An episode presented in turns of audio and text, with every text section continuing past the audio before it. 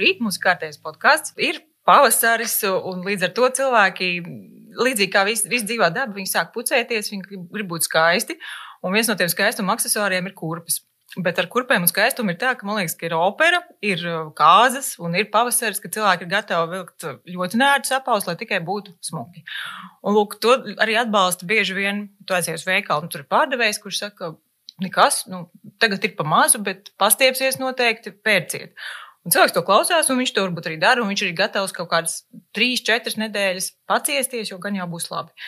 Runāsim, laikam, mēs varbūt arī plašāk par to vispār, kāda, nu, kā tās mūsu kājas sadzīvo ar apaviem, jo sākam mēs viņus valkāt ļoti, jo bērns pat nesteigā, viņam jau uzvelk apavus. Nu, kāda ir savstarpējā ietekme? Runāsim mēs ar Juri Brūkli, ortoklinikas traumatologu, ortopēdu. Vēlreiz labdien, Juri. Labdien. Jo man šeit kurš gan cits, kā tu zini to, kā, nu, kā vispār kā mainās pēda un kā viņa tiek bojāta un dažādām ārējām ietekmēm.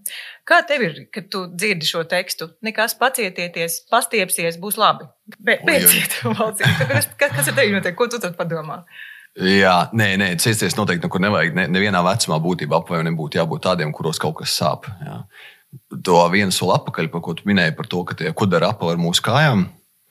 Tad jāsaka, tā pateicoties apaviem, mums ir darbs. Jo būtībā apavi ir tie, kas kājas sabojā. Nu, tas tā ļoti vienkāršāk runājot. Protams, ka tur ir visādi ģenētiskie faktori, ja, kas tur tā, tā pēda aug, kā viņi izdomājusi, bet, bet eh, skaidrs, ka apavi ir tie, kas eh, atrofē pēdas muskultūru, pēdas mazo muskultūru. Un ar to ir saistīti gan, gan grazījie īkšķi daļēji, gan visādas āmurveida deformācijas un tā tālāk. Un, uh, turpinot par to, ko par tiem apaviem, kādas vajadzētu izvēlēties. Noteikti nevajag nekādas apavus izvēlēties, kuri kaut kur spiež un kaut kur rīvē nevienā vecumā. Un, uh, Tad, ko tas īsti nodara? Cik, cik daudz tas, nu, tu teici, ka pirmā sāk atrofēties tie muskuļi, nu, tās, tas ir viens, nu, kas notiek tajā pēdā. Bet, jā. nu, tiksim, ja tev tur rīvē, kas parasti ir aizmugurē apaviem, vai tev nu, viņi nu, šauja? Jā, ne, nu, zikā, tas ietekmē arī kaut kādu. Protams, ka, ja tu nopēc jaunas kurpes, tad agrāk teica, viņam jāiestaigājas. Jā, Pirms nevajadzētu jaunās kurpēs doties pārgājienos. Kaut kā man liekas, īstenībā Mūsdienās tādas apelsnes vairs, es ceru, ka neražo. Tā kā agrāk bija, ka tu tur nopērci super kaut kādas cietas, nērtas kurpes, it kā tā izmēra. Ir, ir joprojām tāda. Jā, un pēc diviem gadiem pārsteigta rīvēt. Jā, teiks, uz, man vectēvs arī sita rāmurīt, tā kā daudzīt tos papēdīšus, lai nebūtu tik cieti. Nu, mūsdienās, ka mājas vairs tā nedara. Tāds ražotājs droši vien izputētu. Nu, labi, dusiņu parīvēt droši vien, ka var. Teiksim, varbūt, ka kurpē jāpierod. Bet nu, nevajadzētu būt tā, ka tu uzvelc to kurpi un tu vienmēr apelsē viņiem pastaigāt. Tāpēc, teiksim, būtu labi, eh, nu, teiksim, tur nesasmērējot, nesabojājot tās kurpes, pa, viņam kaut kādu brīdi pastaigāt un saprast. Jo, redz, kas paliek ar tiem apaviem, pirmkārt, jādara pēc izmēra. Apaviem druskuļi jābūt vietas pirkstiem, un tas attiecās arī uz bērniem. Viņiem nekad nevajadzētu pirkt apavus, tā teikt, uz izaugšanu. Ja? Arī pa lielu nolabi. Arī pa lielu nolabi, jo redz, kas pa lielu apavu sanāk, viņi nedrīkst būt ne par garu, ne par platu. Jo pēdas mums ir dažādas. Vienam platāka, otram augstāka, trešajam ir garāka un tievāka un tā tālāk. Un ja tev ir apava nedara platumā, tev pēda braukā, tev visu laiku ir saspringta muskultūra, kurā visu laiku mēģina to kurpi ķert. Noturēt, jā, Noturēt, jā. pazīst to sajūtu. Ir, jā, tas arī nav labi. Jā. jā, tas arī nav labi, jo tev sanāk, tu visu laiku sasprindzini mūsu kultūru un apavos dēļ tā, ka pēdām e, zole neļauj tiem pirkstiem noiet uz leju. Teiksim, piemēram, kad ejot pa smiltīm, tev pirkstiņi iegrims smiltīs iekšā. Bet apavos tiem pirkstiem nav kur palikt. Un tas var veicināt āmurveida deformāciju. Tas ir tad, kad tie pirksti eh, tie, ar tiem kauliņiem, tā pirmās locītavas, ja skatās uz augšu, jā. kļūst sarkaņi, viņi rīvējās kurpēs un tā. Jā, sevišķi tas būtu kāda cietāka apava. Apaviem jādara būt arī tai priekšējai daļai pietiekami augstai, jābūt, lai tev būtu pirkstiem vieta, arī kur viņiem uz, uz augšu padoties. Nu, lūk, un, ja apavi, teiksim, pa lielu un to pēda šļūkā, to pirmkārt eh, tā locījuma vieta var neatbilst, ja, kur, kur vajadzētu zem pirkstiem pēdē locīties. Un tas, protams, var visādi sāpes izraisīt, gaitas izmaiņas, tad sāk parādās citas problēmas un aiziet tas domino efekts. Tāds. Un, uh, tas noteikti arī bērniem ir. Jā. Tas ir. Kauliņus arī tieši ietekmē apavi, vai tas tomēr nav savstarpēji saistīts? Visi tie izvirzījumi, tie pieši, kas veidojas, tas ar kaut kādā veidā ir saistīts ar šiem šaurajiem, nērtiem apaviem. Tas, nu, tā, drīzāk tā deformācija var apavos sāpēt. Jo tā pirmais, ko parasti cilvēks sūdzas par tiem greiziem īkšķiem, saucamiem sievietes, ka, e, kas spiež kurpes, ka nevar atrast kurpes. Un tad ir dažādi varianti. Ir, piemēram, ja cilvēks nolēma, ka viņš tomēr negrib operēt, negrib neko korģēt, tad var nesāt apelsnes, kuri būtu pietiekami plati, lai tiem kalņiem būtu vieta. Ko vēl var darīt? Eh, teiksim, eh, nu, tas tāds varbūt ne tik labi kosmētiski izskatās, bet teiksim, vecākiem cilvēkiem, kuriem būtu mazākas prasības pret skaistumu, ir ja, var aiziet pie kurpnieka. Es esmu tā darījis, ka ieteiktu aiziet eh, un ādas apavus izvēlē. Nu, viņus pastiep tieši tam, tam mīkšķītam. Ja. Pirms to izdara pēda, kas arī bieži vien ir gadiem nostaigā vienās kurpēs, izvēlējās pats par sevi. Ja, teiksim, ja. Jā, bet, teiksim tā, par tiem kalniem runājot, ko tu minēji par tiem apaviem. Ja Protams, ka nesā ļoti šaurus apelsīnus, kuriem būtu spits pungals. Ja? Un, ja vēl to piekombinē ar augstu papēdi, tas, protams, ir tāds, nu, kad jūs to pēdu dzenat ķīlī iekšā. Un, un, un, un mums ir darbs. Mēs varbūt par tiem apaviem vēl jā, jā. mazliet soli atpakaļ. Man ir tāds priekšstats, ja cilvēks ir piedzimis ar mazu šauru pēdu, viņu -hmm. šī problemātika neskar. Viņš tā arī aiziet viņa saulē ar mazu šauru smuku pēdu. Savukārt cilvēks, kurim ir liels pēdas izmērs un plata tā pēda, mm -hmm. viņu biežāk skar šīs problēmas.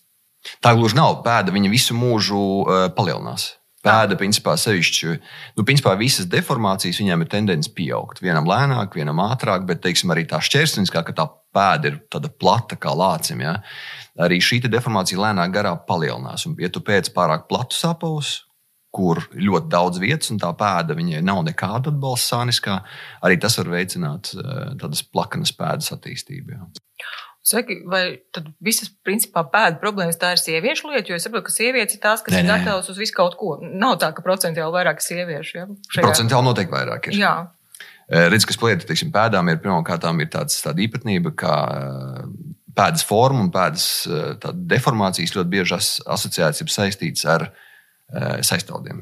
Ar kolagēna stingrību un sievietēm vienkārši no dabas ir elastīgāks tās kolagēna šķiedras un elastīgāks saistauds. Un sevišķi tas ir. Tas ir labi, vai ko tas dara? Tas ir tā dabā, nu, lai, attiecīgi, lai, teiksim, grūtniecības laikā, lai varētu iegurnis pastiepties, lai varētu bērnu piedzemdēt. Un, un, un tas ir eh, dabā ielikts, ka kolagēns ir elastīgāks. Un sevišķi grūtniecības laikā, kad mainās tas hormonālais fons, tad eh, tās saistaudi var vēl vairāk kļūt elastīgāki. Tas attiecas arī uz pēdām. Tas ir uz pēdām, jā. jā. Un sievietēm grūtniecībā pieaug, piemēram, arī svars. Jā. Un bieži vien pēdas sāk sāpēt. Tas nenozīmē obligāti, ka tas paliks, bet nu, tas var būt kā viens no faktoriem.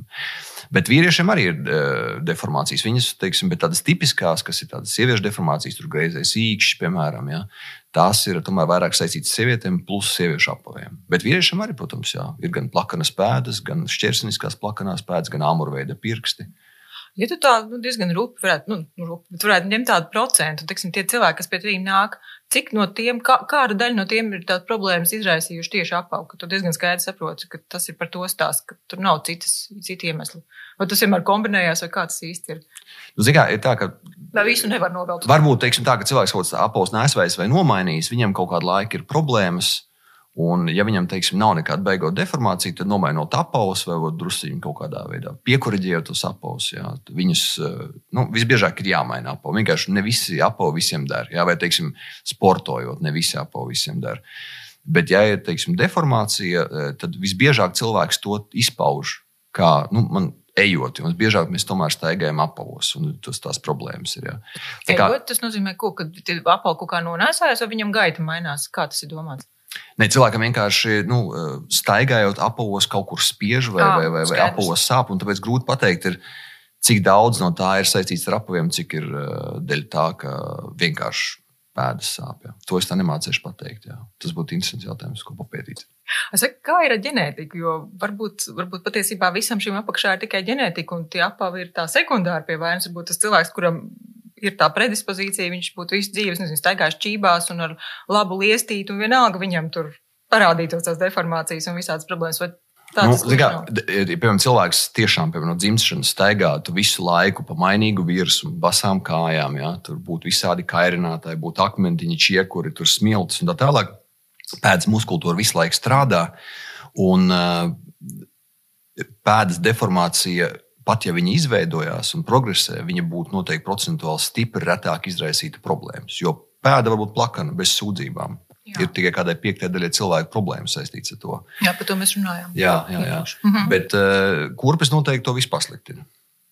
Jā, bet cik lielā mērā to nevar tā īsti. Tur tik daudz nezināmu faktoru, ka mēs nezinām. Jā. Bet noteikti ģenētikas spēlē galveno lomu.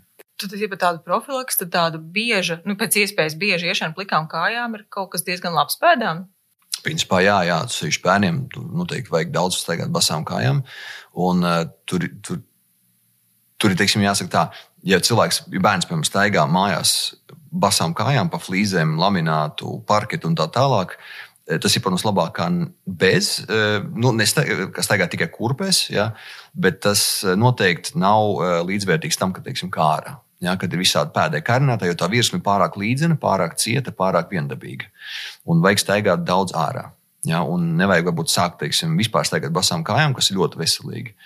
Nevajadzētu sākt, varbūt, teiksim, iet pa asfaltam un uzreiz ļoti ilgi, var neatnākt mājās vienkārši, vai ir jāpaņem līdzi kurpes. Vienā brīdī, kad sāk sāpēt, jāvelk kurpes. Ir. Bet pamazām, pamazām, pamazām noteikti eh, pēdas var norodīt. Ja? Es zinu, cilvēks man ir drauglūkā, ir tādi nu, īpaņi, var teikt tā, ja? kas, kas, kas principā visu sezonu staigā basām kājām. Es zinu, ka cilvēki arī skrien basām kājām, vesela tāda kustība ir, jā, jā, jā, tas, tas ir. Tas ir pa laikam aktualizējās un īstenībā e, man arī viens skriešanas kurpes ir, kas ir tādas tā saucamās tās barefoot kurpes, kurām ir ļoti plāna zole. Un īstenībā ar tādām staigāt ceļš mežā kaut kur, ja neuzkāp kaut kādam lielākam akmenim vai čiekuram akurāt, ir ļoti patīkami, ļoti interesanti sajūta ka tu jūti, ka tās pēdas strādā un īstenībā nekas arī diži vairāk nesāp. Bet runājot par skriešanu, tur jāskatās, protams, jābūt pietiekami trenētām pēdām, tā jābūt pietiekami atbilstošai virsmai. Tur tomēr jāuzmanās, lai kaut kāda akmeņa neuzmīt, ja, kas var sāpēt, nu, tādas traumas, lai nebūtu. Bet principā, kā tāda, tā nav slikta lieta. Vienīgais, nu, jāskatās arī, protams, ne visiem tas dara. Ja cilvēkam, piemēram, tā saucamā metatarsaļģija priekšējās, tās pēdas sāp zem plēsnes kā galviņām, tad staigāt ļoti plānām kurpēm, tas, protams, var pasliktināties. Pas, nu, tās sāpes var pastiprināties. Jā. Būt, mēs tad iziesim cauri tiem klasiskajiem, vismaz sieviešu apaviem, pēc tam mēs varam vīriešu apaviem pievērsties. Bet, ja mēs, pirmais jau, laikam, tu pieminēji tās kurpes, kas ir pa šauru, ka viņas ir ļoti šauras, tie pirkstiņi visi ir kopā. Ko tas jā, nodara? Jā, spits pungals, jā. Jā, un tas var būt vēl komplektā. Ko tas nodara pēdai? Tas, tas vienkārši mehāniski, nu, ir iedomāties, ka tu paņem ejot, visu laiku tā pēda tomēr šļūkā pavos, ja, nu, tā kustās. Ja, un ceļš ir piemēram kaut kāds papēdis, kur kaut kāds kritums, vienmēr nu, pārsvarā tomēr ir kaut kāds papēdis. Tad tie pirksti, viņi kā ķīlis tiek, nu, tā kā triekt iekšā visu laiku tādā šaurā pungalā. Ja. Un, nu, tās būtu teiksim, tādas klasiskās augstspējas kurpes ar ļoti spīdzi pungali, ja, kas ļoti skaisti izskatās, neapšaubām. Bet viņas nu, mehāniski vienkārši to pēdu, tos pirkstus, un, ja mēs iedomājamies, visu dienu cilvēks nostaigā tādās kurpēs ar kaut kādu papēdi, ja, un astoņas stundas tās pirksti tiek ķīlēti iekšā tādā e, konusā, faktiski, ja, nu, tad tas var, protams, arī kaut kādu deformāciju izraisīt. Bet nevienmēr ir kaut kādi laimīgi cilvēki, kuri nostaigā visu dzīvi tajās augstspējas kurpēs un neatnāk pie tevis. Arī tā var būt, ja tas nav tā, nu, viennozīmīgi. Arī tā, būt, protams, jā. Un ir arī tā, ka teiksim, no, no personīgās pieredzes pateikt, es zinu cilvēkus, eh, kuri, kuri, kuri saka, teiksim, ir kāzas, dēļas, tad pēc tam pāris dienas ir jācieš. Ja, bet, teiksim, nu, skaistuma dēļ jā. daudz sievietes ir gatavas teiksim, ciest. Ja. Bet skaidrs, ka, ja, ja būtu tā, ka augstspējas kurpes vienmēr izraisītu to greizo īkšķi, tad es domāju, ka tad, tad būtu stipri, stipri, stipri vairāk cilvēku. Bet nu, tā jau gluži nav. Ir tā korelācija starp tām ciešanām un to slikto rezultātu, jo ir sievietes, kuras brīnišķīgi staigā uz augstiem papēžiem, viņas tieši ļoti slikti jūtās, ka viņas uzvelk kaut kādus zemes papēžus. Un savukārt, redz, ir tās, kas nodejo vienu vakaru augstspēļu kurpēs un tad cieš. Vai, vai tas nozīmē, ka tās problēmas rodās tām, kuras cieš, un vai Es domāju, ka jā, tur noteikti ir kaut kāds fonā jau kaut kāds kaut ir, tā valdes deformācija, tas griezēs īkšķi ir, un tas to pastiprina. Jā. Un, eh, protams, ka eh, ne jau tikai pēda un, un kauli. Ja. Cilvēks vispār, teiksim, tā cilvēka gaita ir ļoti unikāla lieta. Un mēs gaitu veidojam, gaita veidojas arī teiksim, nu, pielāgoties dzīves apstākļiem. Ja, piemēram, sieviete visu laiku staigā uz kaut kādām kurpēm uz papēža, kaut arī tie būtu 2 vai 3 centimetri. Ja. Viņai, protams, pielāgojas visa stāja, pielāgojās, jeb saīsinās arī teiksim, mikromuskultūra. Un, ja teiksim, tāds cilvēks pēkšņi pārkāpj uz kurpēm, kas ir tādas, nu, tās saucamas barefoot, jau tās jā. normālās, jau ļoti, teiksim, sāk staigāt basām kājām, tas, protams, izraisa problēmas, jo saīsināta ikra muskultūra, velk papēdi, ja, veidojas kaut kādas problēmas ar ahilu, un, lai no tā izbeigtu, izbēgtu, sāk mainīties gaita. Teiksim, ja? Sāk vairāk griezt pēdu vai uz iekšpusi vai uz ārpusi. Nu, un, attiecīgi, tā, tā rodas problēmas. Jā. Uzvelkot to papēdi, liekas komfortablāk. Ir, jā. Jā, jā. Man bija pārsteigums, labi, tu, tu varētu norakstīt, teiksim, šaurajā apā un šādu uz papēžu, bet es saprotu, ka problēmas rada arī tās pašas mūsu iešļūcenes, kas ir vasarā. Tu tam piekrīti, jo tas bija tas, ko es lasīju. Es nezinu, vai tā ir taisnība. Vai... Es varu iedomāties eh, tādā ziņā, ka iešļūcenēs, nu, tās klasiskajās, ja, tādas Havajānas, piemēram, kaut kādas, ja, jā. ka tur tur tomēr ir visu laiku. Viņas tomēr ne, ir nestabils tās kurpes. Jā. Viņas tomēr šļūkā turp šurpu un sanāk ar pirkstiem visu laiku viņas druskuļi ķert. Ja? Bet, um, Bet ja es neesmu arī neesmu nekur literatūrā saskāries, ka kaut kādi konkrēti apavi uh, izraisītu kaut kādas problēmas. Jā, jā. Bet es varu iedomāties, teiksim, ja cilvēks nepieradis tagad pēkšņi mājā iekāpš iešļūcenēs, uh, nu, nomainot pilnīgi apavu veidu, jā, iespējams, ka var būt kaut kāda laika problēmas. Jā, tāpēc tomēr iesaka uh, nu, pēdu trenēt. Jā, pamazām, pamazām, pamazām, un tu kāpi no to laiku. Jā. Es no bērnības zinu, ka jābūt labai liestai apaviem. Nu, es tā apmēram saprotu, ko tas nozīmē, ka tur jābūt apakšā, tur pēdas vidū, tādam tur kā pacēlumam. Jā. Cik tas ir svarīgi vai nav svarīgi? Vai... Ziniet, no biežāk tomēr ar to ir ērtāk. Jā. Jo, teiksim, ja cilvēkam ir kaut kāda noslēdzas, drusku plaka no pēdu, vai teiksim, tā, tā pēdas vēlme samazināt, tad ir ērtāk. Tas varbūt drusciņi Nu, tā dod tādu ērtumu sajūtu. Bet eh, kā tā lieste, tā arī zolītes nekādā veidā eh, neaizskavē pēdas deformācijas attīstību. Un tas, ir, tas tiek uzsvērts arī šobrīd pēdas tajā visā tajā specialitātē, kā arī bērniem. Zolītes var mazināt simptomus kaut kādas noteikti, var, viņas var mēģināt, bet viņi neietekmē nekā pēdas augšanu. Tiecīgi, es domāju, ka arī apavos, ja tā lieste būs, tas pacēlums, viņa nekādā veidā eh, neietekmēs pēdas formu tikai funkcionāli būtu ērtāk. Kas var izraisīt papēžu kaulu iekaisumu, vai kāds no apaviem arī var provocēt šādu lietu? Tur ļoti daudz faktoru. Tur ir uh, pēdas forma, tā ir plakanā pēda, ja saīsināt ikra muskultūru. Ja mēs ļoti daudz sēžam, saīsinās neizbēgam ikrs, ja, tas var izraisīt pārāk lielu tādu, nu, eh, tādu vilku, velkošu spēku uz papēdi. Attiecīgi, papēdis var mainīt savu nu, novietojumu telpā un pārāk plakaniski uh, spiesties uz grīdas. Uh, tur ir stāvošs darbs, cieta virsma, ja, teiksim, cieti plāni apavu, cieti vai plāni apavu ar zoli, ja, kur vienkārši mehāniski. Tu pieminēji savējos, tad šī tā vējie teorētiski arī varētu radīt tādu lietu. Vai? Nu, tur ir tik daudz faktoru, ka ne, ne, ne, ne, ne, ne tas viens noteikti. Ja, bet, ja, piemēram, es vienmēr saku tā, ja cilvēkam piemēram, ir kaut kādas problēmas noteiktos apavos, un uh, vajag mēģināt uh, nomainīt apavus, paskatīties, vai tad kaut kas uh, pamainās. Var, teiksim, arī apavus nu, modificēt, cilvēkam ļoti plakana pēda, bet gribās kaut kādos apavos staigāt, var tās ortopēdiskās zolīs pielāgot. Vai pilnās, vai daļējās. Jā. Vispār, cik gatavi ir cilvēki mainīt? Nu, tas ir, man liekas, ka apava tas ir kaut kāds ieradums. Ja mēs atkal tos ļoti mm -hmm. tā, tā klasiski tiek augstspēļu apava, tas tāds ieradums, no kura laikam ļoti grūti ir atteikties. Cik, kā tavā praksē, cik gatavi cilvēki ir kaut ko mainīt savos apavos? Nu, nav jau daudz īstenībā, bet, nu, ja tā ļoti sāp un, un, un, un, un uh... Nu, jā, ja tiešām cilvēkam ir sūdzības, nevis viņi nu, tādu šādu un tādu, tad, protams, ka. Bet es domāju, ka cilvēks gatavs kaut kādu laiku mainīt. Tā kā pāriet, viņš arī attiecīgi at, nomaina atkal uz veciem ieradumiem. Nu jā, jā. Tas, kas smuki, tas ir smuki. Jā, jā, jā, protams, jā.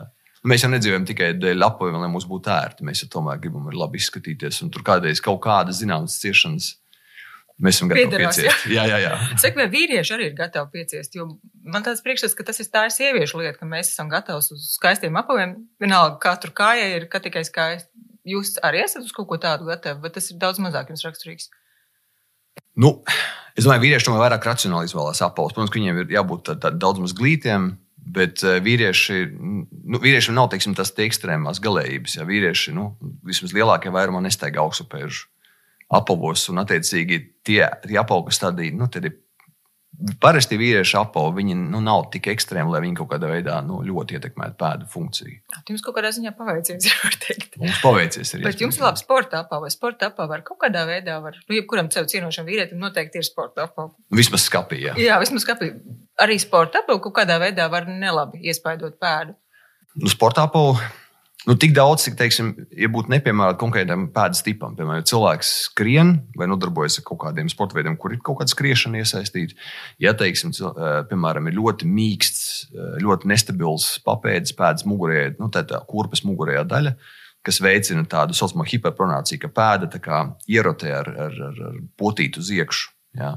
Ja, teiksim, cilvēks varbūt paskrien tur, nezinu, vienu kilometru, droši vien tas neizraisīs problēmas. Bet, ja cilvēks ļoti ilgi skrien, daudz skrien, kad noguruši muskultūru un tā, tāda funkcionāla problēma pastiprinās caur to, tad, protams, nepiemērot apavu var veicināt problēmas. Jā. Tāpēc apavus.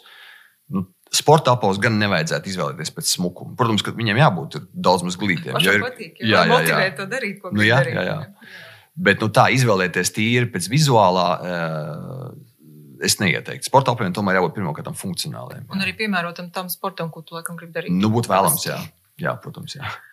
Saki, ja mēs no pašas bērnības sākam, ir kaut, kādi, kaut kādas tādi, ko var darīt tas vecāks, izvēloties tos apavus, nu, kamēr viņš vēl izvēlās, nu, lai mm -hmm. maksimāli, nu, tas būtu saudzīgi tajā pēdē. Jo, nu, nu, tomēr mēs lielākā daļa staigāsim visu to dzīvi ar tiem apaviem. Viņi bojās tās kājas, bet pēdas, vai ne? Bet, bet kā tu? Kā... Nu, jā, Zigā, es te uh, dusiņ uh, gatavojoties un palasot, jo mēs tomēr tas tā bērnu, mazo bērnu auditorija nav īsti mūsu uh, nu, nav, bet pacienti. Tomēr, jā, bet man, teiksim, pašam divi puikas ir, un jā. viņiem kādu bērniem paprasi, nu, vai der, nu, vienmēr der. Vienmēr, jā, jo viņiem jā, nav skaidrs, ka tur nederēt tieši tā. Bet uh, vajag sakot līdz noteiktam izmēram. Tur ir dažādas metodes, var teiksim, piegriezt uz kartona vai izņemt laukā to zolīti. Pasties. Bērnam jābūt kaut kādam vismaz vienam centimetram pirkstiem uz priekšu. Jo slikti tad, ja bērnam pēdi izaug, apavi kļūst par mazu, viņi sāk spiesties, viņi var deformēt nagus, varbūt ieauguši nagi, varbūt deformēti pirksti. Un, uh, Nu, jā, tas var izraisīt paliekošas sekas, teiksim, jā, un attiecīgi pa lielu apavu arī pirksti braukā, kā jau pirmie teicu. Jā, viņi, viņi mēģina noturēt to apavu, var veidoties visādas arī pirkstu deformācijas. Jā. Un, tāpēc bērniem noteikti vajag, vajag apavus, nu, vienmēr jau saka, vajag kvalitatīvus un labus, bet mūsdienās uzskata tā, ka bērniem jābūt ērtiem, apaviem, kas īpaši neietekmē pēdu. Lai ne, agrāk uzskatīja tā, ka visiem bērniem vajadzēja tādus cietus ādas puszābaciņus. Jā. Ja? Teiksim, manā bērnībā tā bija. Ja? Jo citādāk pēda deformēsies. Bet īstenībā ir tā, ka tie cietie apavi, kas ļoti atbalsta pēdu, viņi vēl vairāk kavē muskultūras attīstību. Ja? Tā kā jābūt būt tādiem nu, mīkstiem, teikt, funkcionāli mīkstiem apaviem. Bet no labiem materiāliem, kas neizļurkājās. Jo, piemēram, šobrīd vairāk nav tik ļoti izteikti, bet bija viens laiks, bija tas, atceries, bija tādi ugas zābaki, bija UGS. Jā, jā bija, bija tādi. Un kamēr viņi ir jauni, viņi izstāsta forši. Bet, kad es redzu kaut kādu 11-gadīgu meiteni, redzējusi vairākas reizes no aizmugures, ej, viņai pilnīgi ir tas zābaks aizbraucis vai nu uz vienu vai uz otru pusi. Ja? Viņš ir mīksts, viņam ir mīksta tāda paralona zole. Ja? Tāda apava, protams, ka var, var pēdas arī bojāt. Ja? Tiem apaviem jābūt tomēr būtu arī tādiem, kas satur savu formu. Nu, tā it kā ļauj pēdai kustēties, bet tomēr satura, nav tā, ka ir kaut kāda deformācija, viņa pastiprinās daļā pavēnā. Nu, jā, tas laikam arī svarīgi ir. Jā, jā, jā noteikti. Ja tu tādu vēstījumu pavasarī gaidošiem, nu, principā jau piedzīvojošiem cilvēkiem, kuri tagad izsver tos ļoti smukos apavus, kas varbūt nevienmēr ir ērti, nu, kāds, ko tu viņiem teiktu? Šobrīd, pēc visu tā, ko tu jau esi pateicis, bet kā tu, tu viņiem? Nu, gribētu es jau teikt, nesējiet vienmēr ērtus apavus, un, un, un, un, un, un, lai būtu funkcionāli. Bet man kaut ko gribās, ka tajā pasaulē tomēr kaut kāds skaistums ir. Un tomēr, lai mēs kaut kādām vaļībām ļaujamies kādreiz, un kaut, tomēr ir kaut kādas ļoti smukas kurpes. Arī man tāds viens pāris ir, jā. kurās nav pārāk ērti, bet izskatās šiki. Pat ārstam ir. jā, jā, jā, noteikti vajag. Laik, mēs nedzīvojam dēļ kurpēm. Nu, teiksim tā, nav, nav vienmēr jābūt ērti. Jā, bet nu pārsvarā. Bet, nu, pārsvarā. Varbūt, teiksim, pārgājienos, ejot vai sportojot, jābūt ļoti ērtiem apaviem vai ikdienas apaviem. Bet šad un tad jābūt skaisti. Man grieku arī. Tikai nevienmēr treniņā pastaigāt, lai arī ir visērtāk pareizi. Nu jā, arī taisnība. nu, ko paldies tev liels šodien. Paldies. Paldies jā. tev.